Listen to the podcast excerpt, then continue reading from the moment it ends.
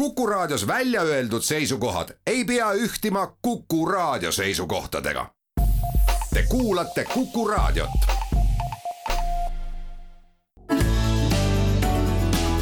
keskpäevatund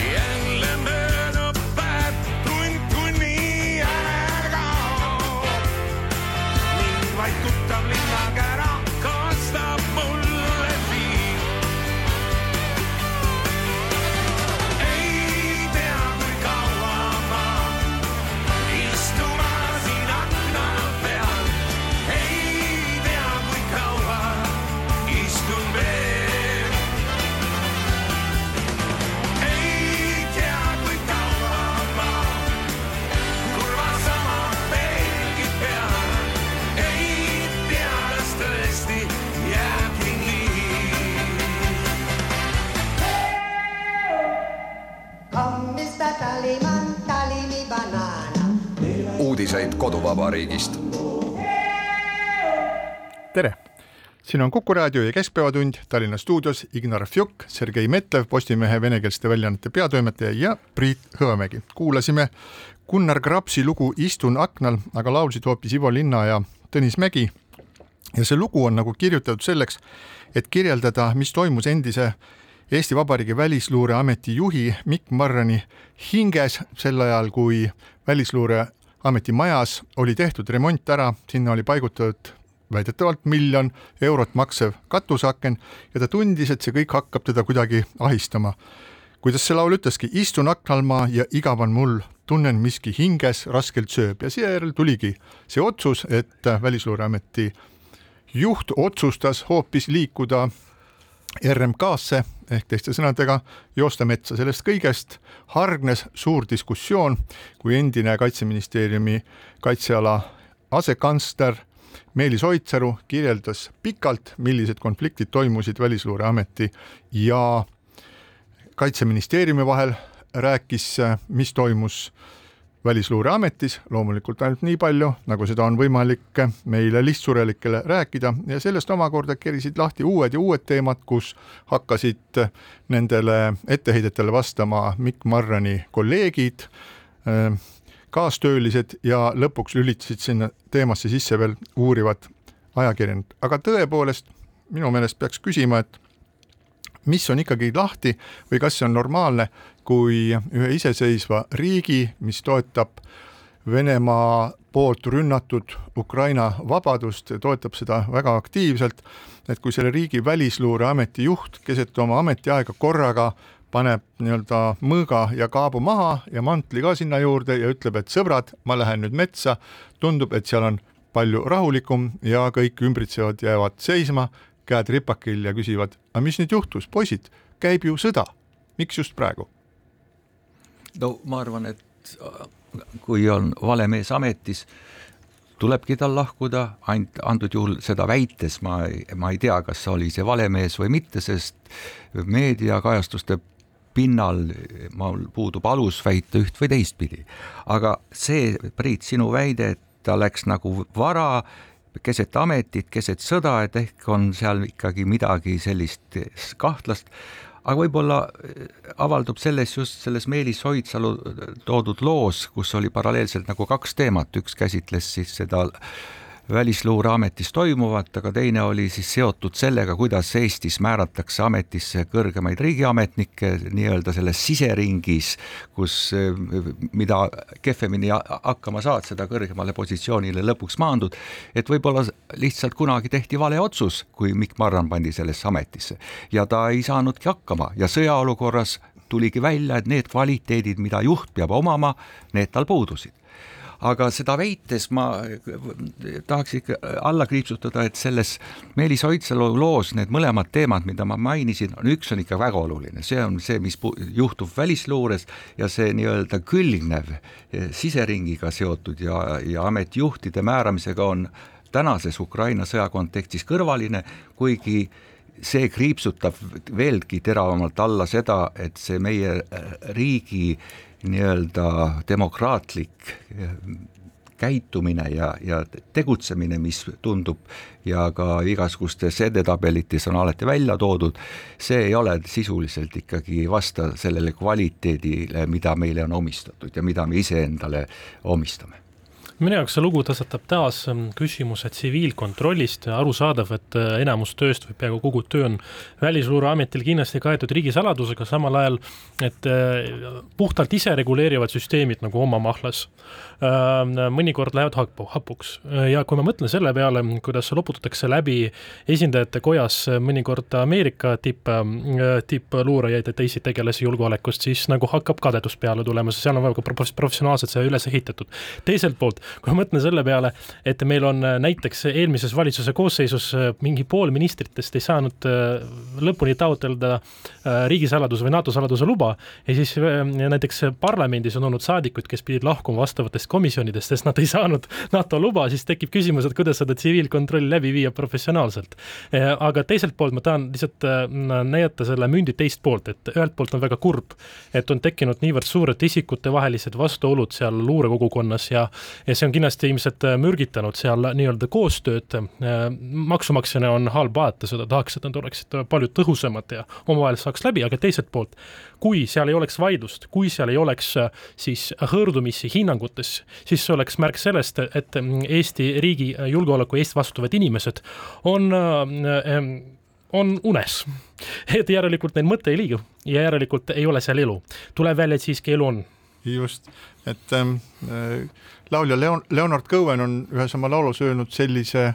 sellise fraasi, et there is a crack in everything, that's how the light gets in, et igas asjas on sees mõra ja see on see, kust valgus sisse pääseb. et äh, eriti see puudutab ka mitmesuguseid selliseid äh,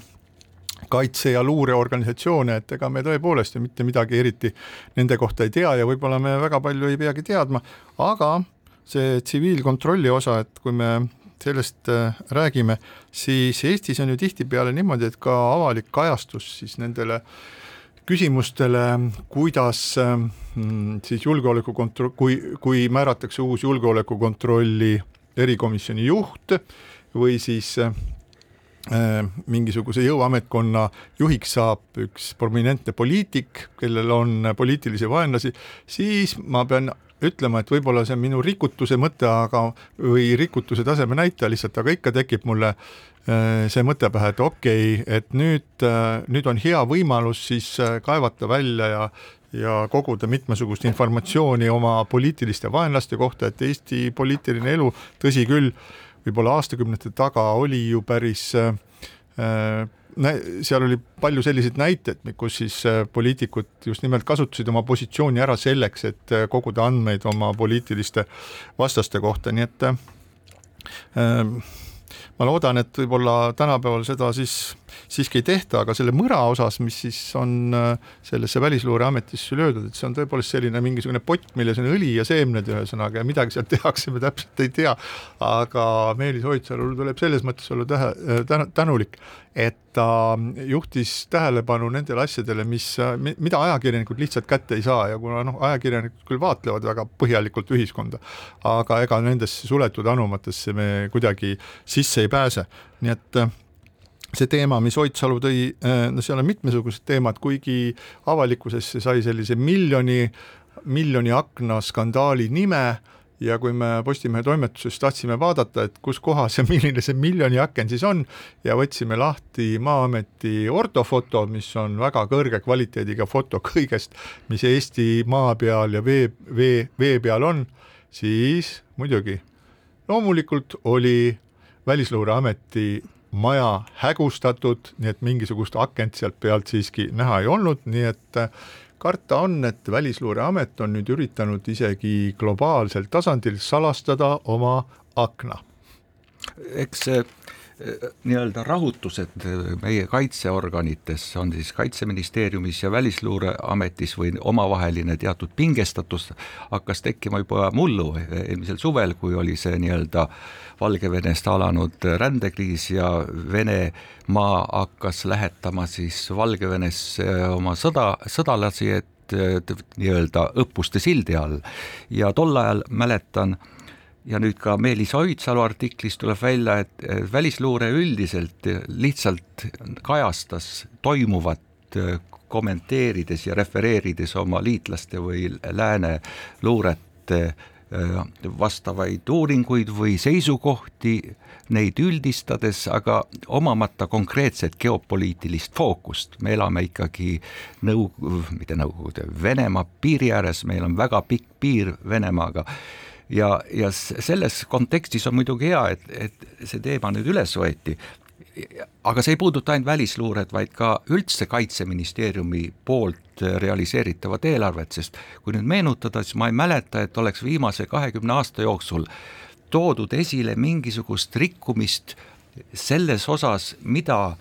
kaitseministeerium temale eraldatud suurte rahadega, kaks protsenti NATO-s ka seoses ja nii edasi,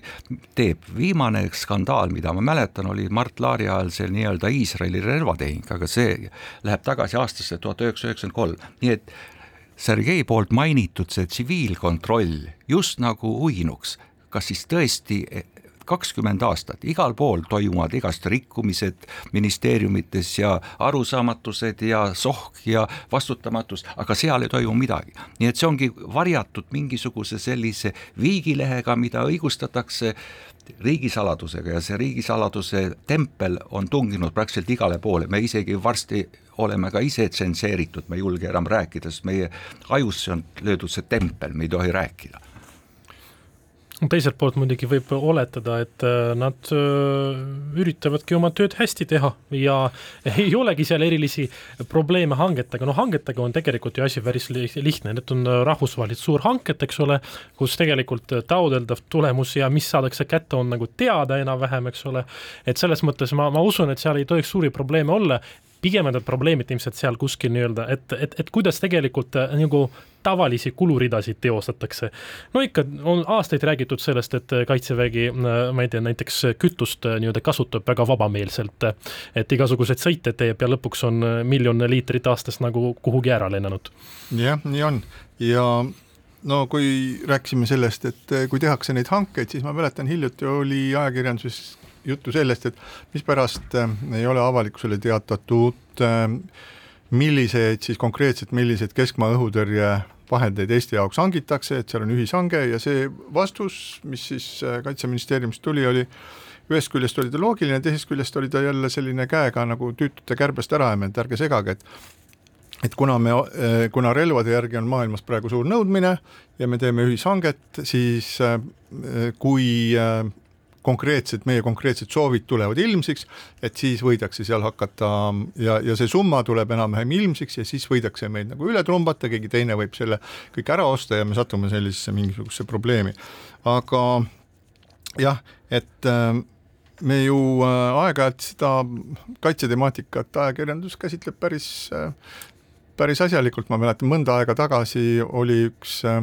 informatsioon, kus üks kõrge Eesti sõjaväelane väitis, et nendel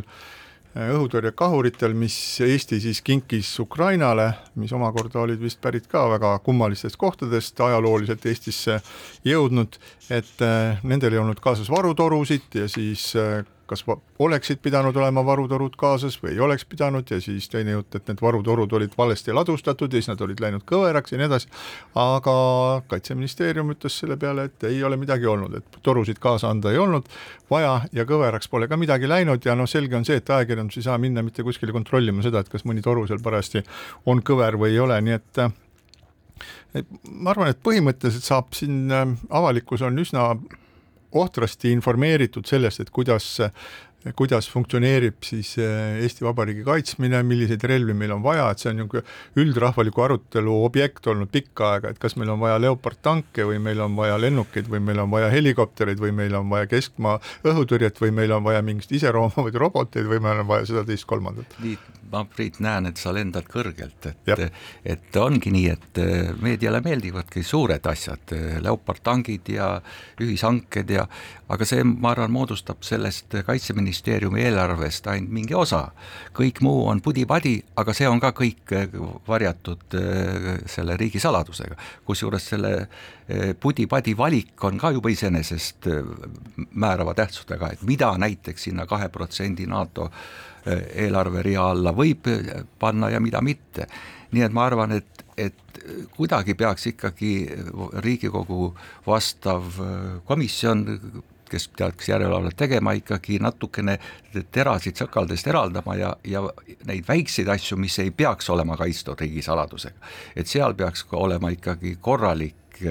sõna otseses mõttes tsiviilkontroll ja ka tulemuslik. aga ma arvan, et sa ei pahanda, Priit, kui nüüd ikkagi mõne sõnaga puudutaks ka seda siseringiga seonduvat ehk ametnike määramist ja ja Oidsalu tõi selle esile just nagu noh, mingisuguse uudise, et, et näete, et et meil üldse ongi Peterkopi ehk riigisekretäri juhitud nõukogu poolt selline eh, praktika, et see nõukogu on formaalne, et selleks näita, et tekitada avalikkusel mulje, et toimubki konkurents, et kõik saavad konkureerida, aga tegelikult pannakse ametisse ikkagi nii-öelda omad joped ja, ja on mingisugune sisering ja ringkaitse ja ja, ja hea Kalle Laanet muidugi ütles, et see ei vasta kõik tõele, et loomulikult ministril peaks olema mingi sõnaõigus, aga ikkagi need komisjonid otsustavad. Aga kui selle peale Oidsalu ise ütles, et tema kandideeris kolmele asekantsleri kohale ja kõikide puhul tal oli eelnev kokkulepe, et tema saab selle koha ja mitte keegi teine ja ta sai, kui sellele korrespondeeris ka Martin Helme, ütles, et tema oma ametiajal kõikides nendes otsingutes, kuhu palgati välis väljaspoolt ministeeriumit mingisugune konsultatsioon, konsultatsioonifirma, talle maksti kõrget raha, et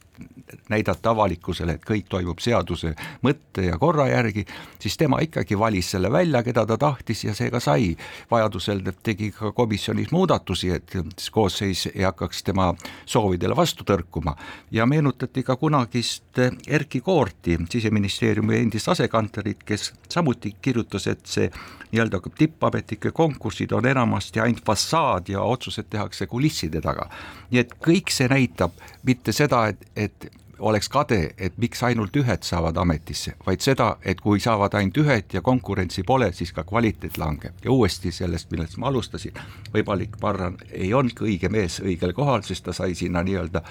ringkäenduse kaudu seda küll, et seal Oinsalu artiklis oli oluline äh, teemaarendus meritokraatia kohta, et et äh, tema arvates Eestis on seda järjest vähem, talendipõhist äh, ja võimetepõhist määramist. teiselt poolt mina väga kardan seda, mida vahepeal on siin mõned poliitikud pakkunud, et tegelikult rahva poolt valitud siis inimestel, nagu näiteks lõppkokkuvõttes ministrid on mitte kõik muidugi on valitud rahva poolt, aga suur osa neist on ka valimistel kandideerinud erakonna poolt pandud sinna, peaksid suuremat sõnaõigust omama. no nagu näiteks, eks ole, me teame, et meie suure liitlase Ameerika Ühendriikide ametnike määramise süsteem väga politiseeritud ja seal nagu ühe niisuguse luuga põhimõtteliselt nagu pühitakse kõik puhtaks uue presidendi poolt ja niimoodi on see riik elanud, eks ole. Eestis, kus on äh, niivõrd väike ühiskond, kus on tegelikult arvuliselt väga vähe tõesti talendikaid professionaale, eriti julgeoleku juhtimisel, ma ei kujuta näiteks sellist asja ette, mina pigem eelistaks komisjone, mina pigem eelistaks äh, konkursse kui ministripoolset liigset äh, sekkumist, sest seal võivad võivad tekkida pöördumatud tagajärjed, kus to- toimub siis noh, põhimõtteliselt äh, võtmevaldkondade politiseerimine parteilisel kujul, mis oleks halb. aga teiselt poolt tundub, et äh, kui rääkida näiteks Oidsalu ametikohast, kui palju on inimesi Eestis, kes on valmis ja võimelised ja usaldusväärsed seda tööd tegema, väga vähe. kindlasti mitte jah, ma olen kasutanud tihtipeale sellist, sellist võrdlust või kujundit nagu, et täiskasvanut ei ole toas ja tihtipeale, kui me vaatame ka seda, mis toimub mitmesugustel riigi juhtimise ja ametkondade tasanditel, siis ka siin jääb selline mulje, et toas ei ole täiskasvanud. näiteks pidades noh, väga lugu Meelis Oidsalust äh, ja, ja äh, tundes seda ka siis töö kaudu isiklikult, siis äh, on selge see, minule on, on selge see, et no kuidas öelda, mitte selge, aga ma, ma suudan endale ette kujutada, et et kuidas tekivad sellised äh, teravad või nagu tänapäeval armastatakse öelda, sellised reljeefsed situatsioonid siis ütleme, Kaitseministeeriumi ja siis äh, Välisluureameti vahel, et kus soovitatakse minna kuskile kaugemale ja, ja hämaramasse kohta. et see võib juhtuda siis, kui inimene, kes on nagu äärmiselt äh, fokusseeritud mingisugusele eesmärgile ja see eesmärk on siis ähm, Eesti Vabariigi kõigi meie elanike, naiste, laste hoidmine suurema ohu eest, mis võiks neile füüsiliselt viga teha, mis võiks meie iseseisvust ohustada, et kui see on selline äh, sisestatud eesmärk ja inimene on absoluutselt vankumatult sellele pühendunud, siis kõik need äh, kõik need olukorrad, kus, kus äh, see vool ei liigu selle eesmärgi kindlustamise suhtes, et nad tunduvad tühised, kaasa arvatud ka inimesed, et, et see kõik tuleb, see, tuleb kohe kõrvale lükata selleks, et muidu vastasel korral võib juhtuda midagi, midagi teistsugust või kolmandat. Ja sellisel, ma, ma arvan, et kuna need inimesed seal on noh, ütleme sellised noorepoolsed, pole isegi tänapäeval öeldakse noorem keskiga, nad ei ole isegi noorem keskiga, nad on sellised noorepoolsed inimesed, Marran, Oidsalu ja paljud teised, et mulle tundub, et toas ei ole täiskasvanud, kes äh, oleks võimeline nad kutsuma enda juurde, kuulge, meie eesmärk on ühine, lõpetage see kraaklemine ära, noh muidugi see on jälle selline kujutluspilt, aga ma kujutan ette, et äh, näiteks kadunud Lennart Meri oleks saatnud, saanud sellise asjaga hakkama, tehes neile selgeks, meil on üks eesmärk, see on Eesti Vabariik, lõpetage nüüd ära, suruge oma tungid alla ja töötame koos. võib-olla, võib-olla praegune äh, riigikaitse kõrgeim juht äh, Karis on niisuguseid vestlusi nendega pidanud, me ei tea. kusjuures mulle tundub, et praegusel presidendil oleks küll sellist isiklikku kaalu natuke rahustada saade läheb kohe heaks, kui mainitakse Lennart Mere nime aga äh, tema kahjuks ei saa enam teha seda. aga Priit, sinu poolt öeldud, et täiskasvanu puudus toas, kus siis Marranid, Oidsalud ja need nii-öelda noored mehed askeldasid ja, ja kaotasid nagu liigse reljeefsuse tõttu reaalsustaju, et kuidas siis sellised juhid ikkagi ametisse said, ma jälle selle juhi määramisse, et see on üks, üks esmaseid punkte, et selline ametikoht saaks täidetud, et tal oleks kompetents oma valdkonnas ja teiseks tal oleks ka valulevi vastav ja oskus suhelda, hoida tiimi koos. kui tal see puudub, kui ta käitub lapsikult, siis ta juhiks ei kõlba. aga selle siseringi määramisega seoses muidugi Marran viib asja nagu absurdini, ta pannakse riigimetsa majanduse keskuse juhiks, kus tal puudub metsanduses mis iganes kompetents kokkupuutumis, isegi mitte hobi korral, võimalik, ta pole ka isegi seenel käinud. ja, ja selles kontekstis nüüd mina küll ei saa aru, tähendab ametijuhid üldiselt ei tohiks olla poliitilised, ühesõnaga nad peavad olema kurguni täis kompetentsi. ministrid on poliitikud kellele või mis ideid, visiooni hakkab siis Marran seal ellu viima, kes talle kõrva midagi sosistab. nii et see näitab kogu süsteemi absoluutset noh, sobimatust ja, ja kõlbmatust. loodetavasti see ei vii RMK täissalastamiseni. või siis, et metsaloomad hakkavad käima koputamas ja räägivad, mis, mis Vene piiri ääres juhtub, aga siinkohal väike paus. keskpäevatund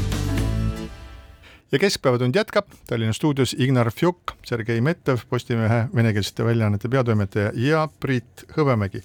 räägime nüüd äh, sellest, mis on äh, kõige enam nii-öelda laial poliitilisel, laias poliitilises plaanis pälvinud tähelepanu Euroopas, Venemaal ja Balti riikides ja loomulikult ka Eestis. see on plaan siis kehtestada viisakeeld Venemaa elanikele selleks, et nad ei saaks sealt mõnusalt sõita mööda Euroopat laiali, et nad ei saaks puhata Bonnis või või võtta päikest Nitsas või Prantsusmaal kuskil meeldivalt veini juua, sellepärast et kui me vaatame uudiseid, siis me näeme ju siin päevast päeva, et kord on Vene diktaatori Vladimir Putini tütar käinud kuskil ja kord on mõni teine tipp selli-, selle riigi tipujuht või tipp käinud ise kuskil mujal, kuigi sanktsioonid on olemas, suudavad nad ikka kuidagi liikuda ja paistab, et äh, nendest sanktsioonidest noh, väga palju kasu,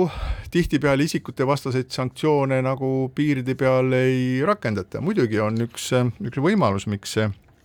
miks see niimoodi saab olla, et minu kogemus ütleb, et äh,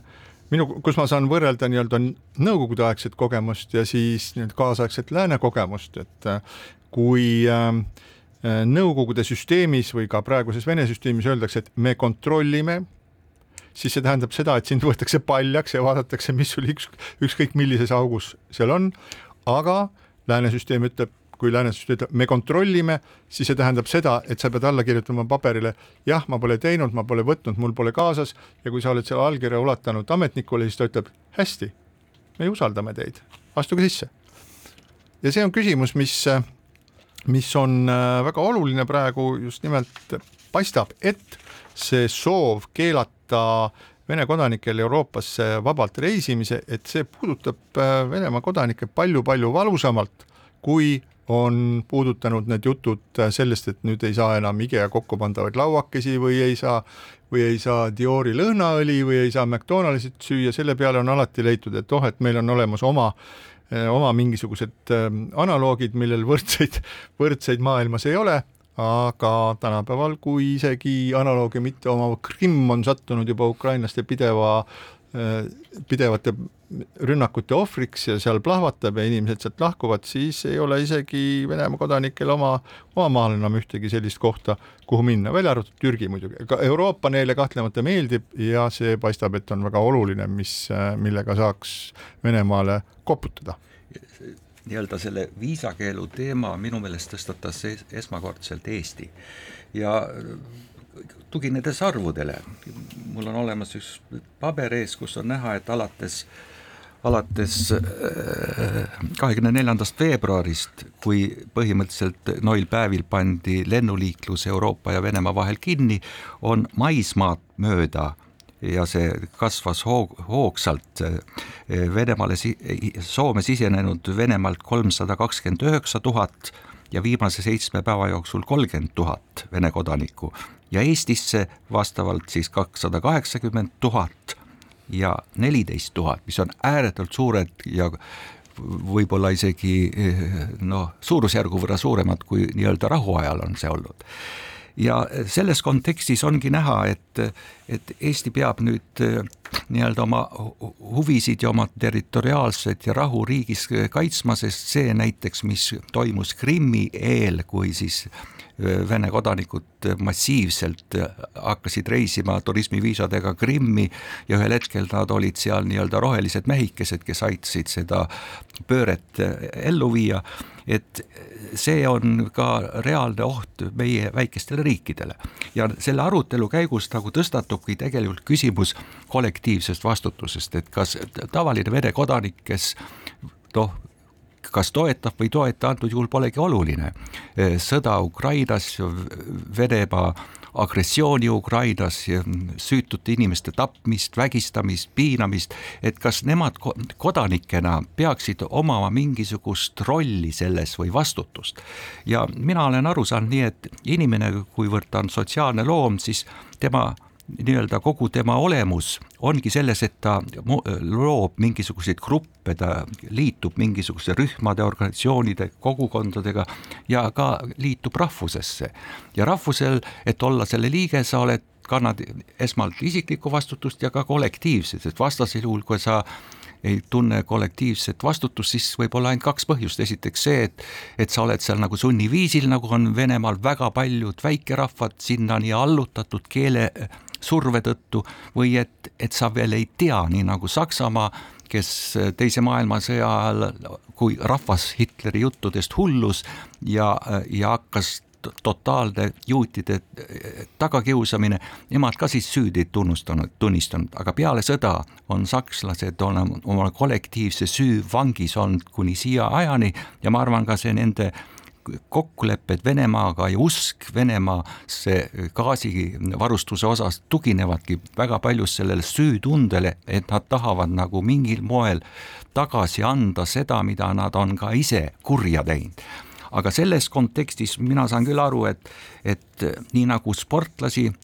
tõrjutakse Venemaa sportlasi võistlustelt lihtsalt võrdluseks, et praeguse hetkega on Ukrainas hukkunud eh, rindel olijatest, treeneritest ja sportlastest juba üle saja neljakümne, et selles kontekstis igasugune piiri sulgemine Vene kodanikul on õigustatud, see peab neile meelde tuletama enne sõja lõppu ja enne seda, kui neil hakkab tekkima süütunne, arusaam, et nad vastutavad selle eest, mis Venemaa Ukrainas teeb siin tuleb tähele panna, et äh, niinimetatud välispassid on umbes neljandikul Venemaa kodanikest, kes Venemaal elavad, välispass äh, võimaldab sõita välja. Riigist, sisepassiga seda teha ei saa, mis tähendab seda, et äh, selle meetmega reisikeeld mõjutatakse siis neid inimesi, kellel on reeglina natuke parem haridus, linnainimesed valdavalt, natuke võib-olla rohkem sotsiaalset kapitali, ehk siis tegelikult rohkem intellektuaalset võimekust midagi üldse toime panna elus. Ja nende seas on noh, päris palju selliseid nii-öelda justkui lääne väärtusruumi liitlasi ka. Ja seal tekivad need dilemmad, eks ole, et äh, kui sa selle podiseva katla peale paned kaane kinni, keevitad külge nii-öelda, et kas nüüd see tekitab päris plahvatuse, mida me ootame, ehk siis võimuvahetus, seda ei tea, venemaalased ise, needsamad äh, sellesse gruppi kuuluvad, keda ma praegu kirjeldasin, ütlevad seda, et ühiskond on niivõrd deaktiveeritud on niivõrd maha surutud tahe, et äh, mis äh, võib juhtuda, on see, et kas eliit seest mädaneb läbi näiteks kümne aastaga või siis äh, kui rahvas nälgib, no siis ta tuleb välja. päris nagu siuksed äh, justkui ähm, tõsised hoiatused, et, et teete, teete, aga see ei mõju ja ma siiski lõpuni sellega nõus ei ole. et ähm, kui äh, me räägime Venemaa ühiskondlikust kultuurist, siis see on mm, läbi imbunud äh, sellest mõttest, et äh, riik peab äh, kõike valdama ja riik, riik võtab terve selle ruumi endale, et kodanikuühiskond pole kunagi olnud tugev. üksikud grupid, üksikud ajastud ja lääs seda piirangut sisse viies, et enam ei saa vabalt reisida, justkui mingil kujul nagu tuletab venemaalastele ise väljastpoolt meelde, et te olete kodanike kogukond, kellel on olemas äh, noh, individuaalne vastutus, et tal on siiski olemas äh, siis äh, kuuluvus, mitte lihtsalt elate seal ja teete midagi ja raha teenite. et ma ei tea, kas see õppetund või see nii-öelda äh, eluülikool õnnestub sellisel kujul või mitte, aga seda lääs ilmselt mingil kujul kas või siin piirkondlikult teeb, ma siin tegin intervjuud Urmas Reinsaluga, tema ütles, et käivad kõvad konsultatsioonid Läti, Leedu, Poola ja Soome kolleegidega, et panna see välispiir kinni, ehk siis tegelikult see tähendab seda, et kuna lennuliiklus on kinni, siis ei pea ülejäänud Schengeni tsoon muretsema, paneme lihtsalt ise selle nii-öelda lavka kinni. ja seal on igasuguseid kõrvalkahjusid, on toredaid inimesi, kes näiteks ei saa enam siia tulla, et õppida või et oma kinnisvara hallata või veel sada asja. Ja midagi pole parata, siin tuleb neid valikuid nagu teha, mul ka saates oli üks tore perekond, kes ostsid Elva lähedusse maja ja kes tegid plaani, et siia tulla elama. Ja ta on niisugused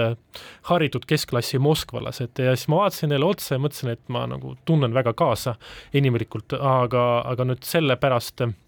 ilmselt ei saa seda keeldu rakendamata jätta. peab Venemaa mõtleval osal tekkima tunne, et nüüd me peame tegutsema ja ilmselt moraalselt meil justkui ei ole õigust nõuda, et nad seal äh, siis äh, oma eluga riskides või oma vabaduse riskides midagi tänavatel teeks, no ma ei kujuta ette, et kuidas see nagu nii-öelda kristlikus väärtusruumis on võimalik, et mine sure, eks ole, kuidas ma ütlen seda siin enam-vähem turvalises Eestis viibides. samal ajal Venemaa ajalugu tundes, ma ei kujuta ette, kuidas teistmoodi on võimalik seda kurjust peatada. No ja, jah, no jah ja ei, et ma mõtlen, et see võimalus, kui jätta võimalus hoolimata kõigest siiski rahulikult reisida siis Prantsusmaa ja Venemaa vahet, siis minu meelest see süvendab seda äh,, seda võimalust äh, Venemaa kodanikele, ka sellele paremini haritud osale elada jätkuvalt edasi silmad kinni, tehes näo, et see mind ei puuduta, noh, mingisugust süüa saab ikka, ühesõnaga lõppude lõpuks Venemaal endal ju mingisugust sõda ei ole, ja see on suur riik ja toitu nad jaksavad endale,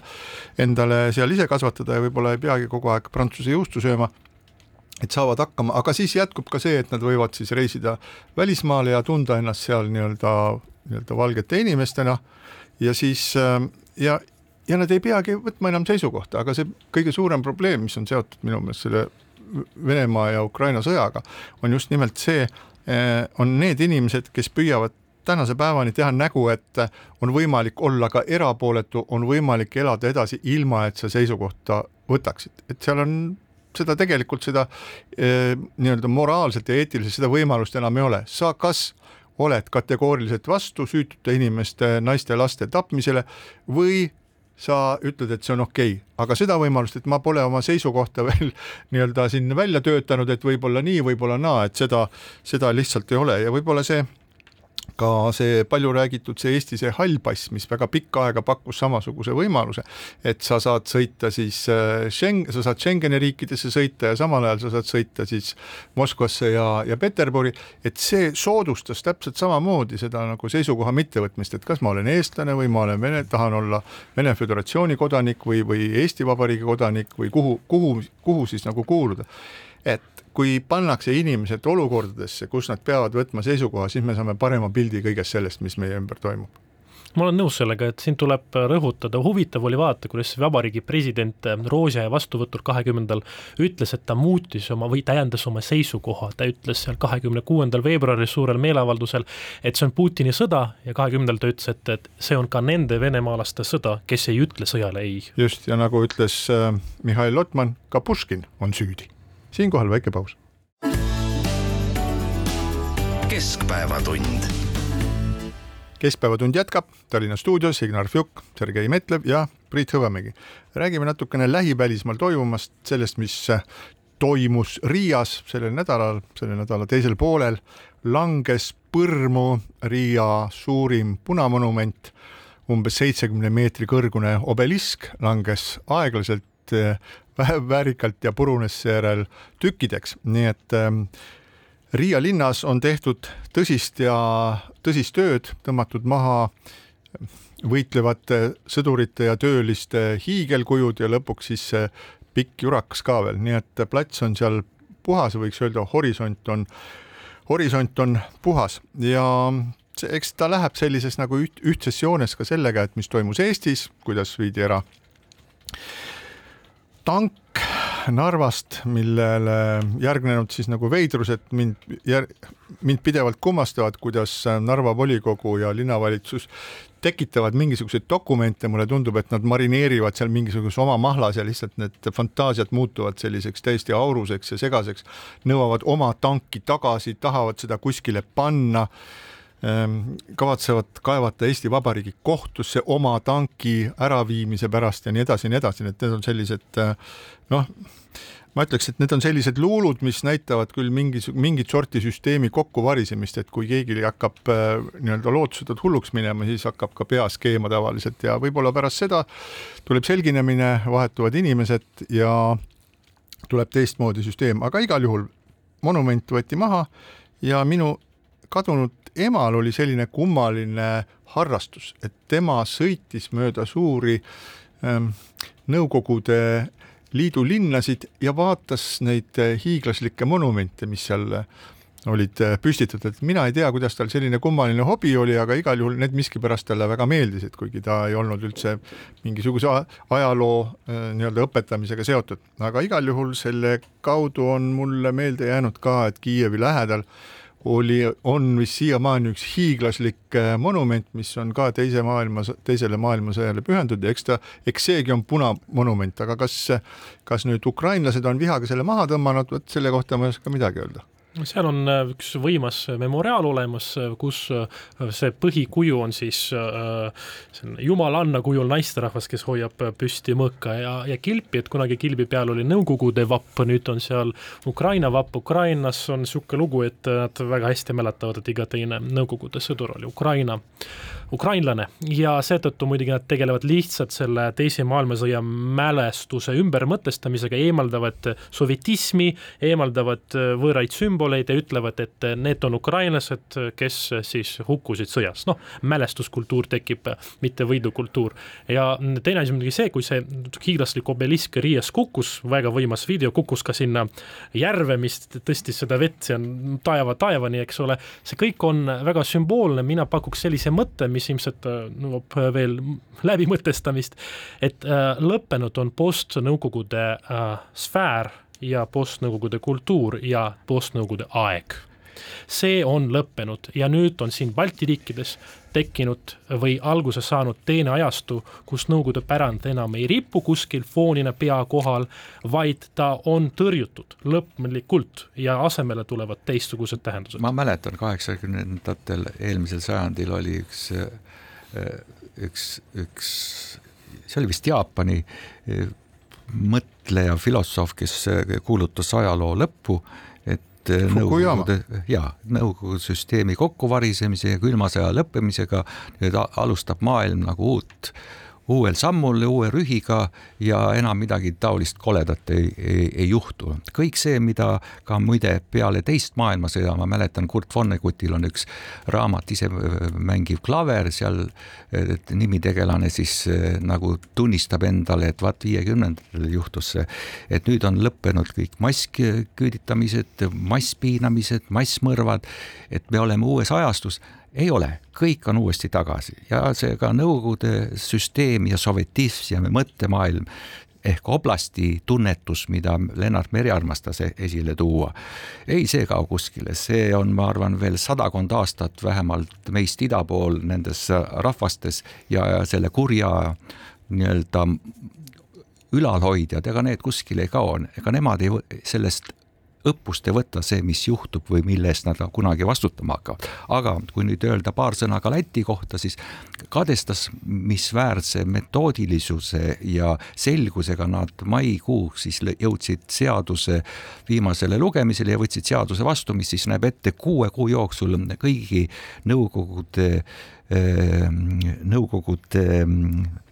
võimu ülistavaid ja propageerivate monumentide sümbolite mahavõtmisele ja ma mäletan või lugesin, et kui seal tehti ettepanek, et teeks seda kiiremini, paari kuuga, siis eh, Seimi enamus oli sellele vastu, et nad teevadki seda metoodiliselt, mitte kiirustades ja lõplikult. nii et Sergei, sinu see väide, et et see Nõukogude süsteem ja sovjetism ehk saab lõpu, siis võib-olla meie väikestes Balti riikides ma, küll. ma ütlesin, et Balti riikides, ma, mul ei ole mingisuguseid illusioone Venemaa kohta, meil siin Eestis, eks ole, on ju ka, see ei ole ainult kusjuures venelaste küsimus, mõned eestlased ka on äh, mõnikord noh, mõtestanud elu läbi selle vana prisma, et kui nad olid nagu noored ja kolhoosid, kolhoosid olid sees veel lahti, eks ole, et ma mõtlen seda, et see siin taandub lõplikult ja saab ju öelda, et kolmkümmend aastat seda on marineeritud häbiväärselt. Mm.. aga nüüd, mis erinev on Eestis ja Lätis, on see, et meie oleme nagu kuidagi võtnud seisukoha, et neid, neid monumente, neid kurjuse sümboleid, neid peaks kuidagi säilitama,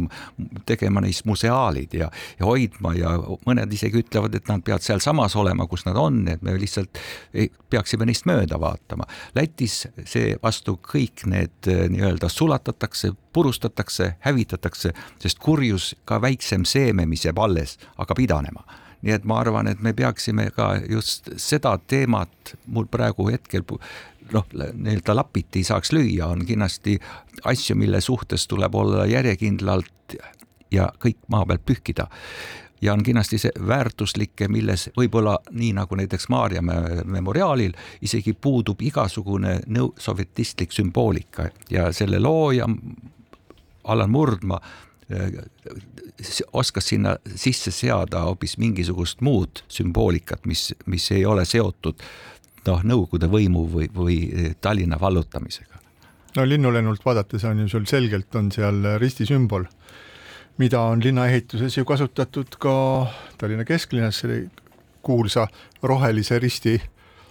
kujundina, mis siis äh, roheliste vööndite ristikujulise kujundi kaudu siis äh, meenutab neid piirkondi, kus kus Tallinn hävis siis Nõukogude Liidu pommitamiste tagajärjel, aga ma tahaks tuua siia veel ühe nagu kolmanda vaate sellele te, teie mõlemale jutule, see on impeeriumite varisemise tagajärjed, et see on nagu see post, post-Nõukogude ajas postnõukogude ajastu lõppemine on iseenesest see on selline noh, nagu ütleme, mikrotasandi selline muudatus, aga selle aasta suvel siis väga tuntud ajaloolane Anette Liiven, kes on kirjutanud ka palju raamatuid siis Ida-Euroopa ja Nõukogude Liidu kohta ja tõepoolest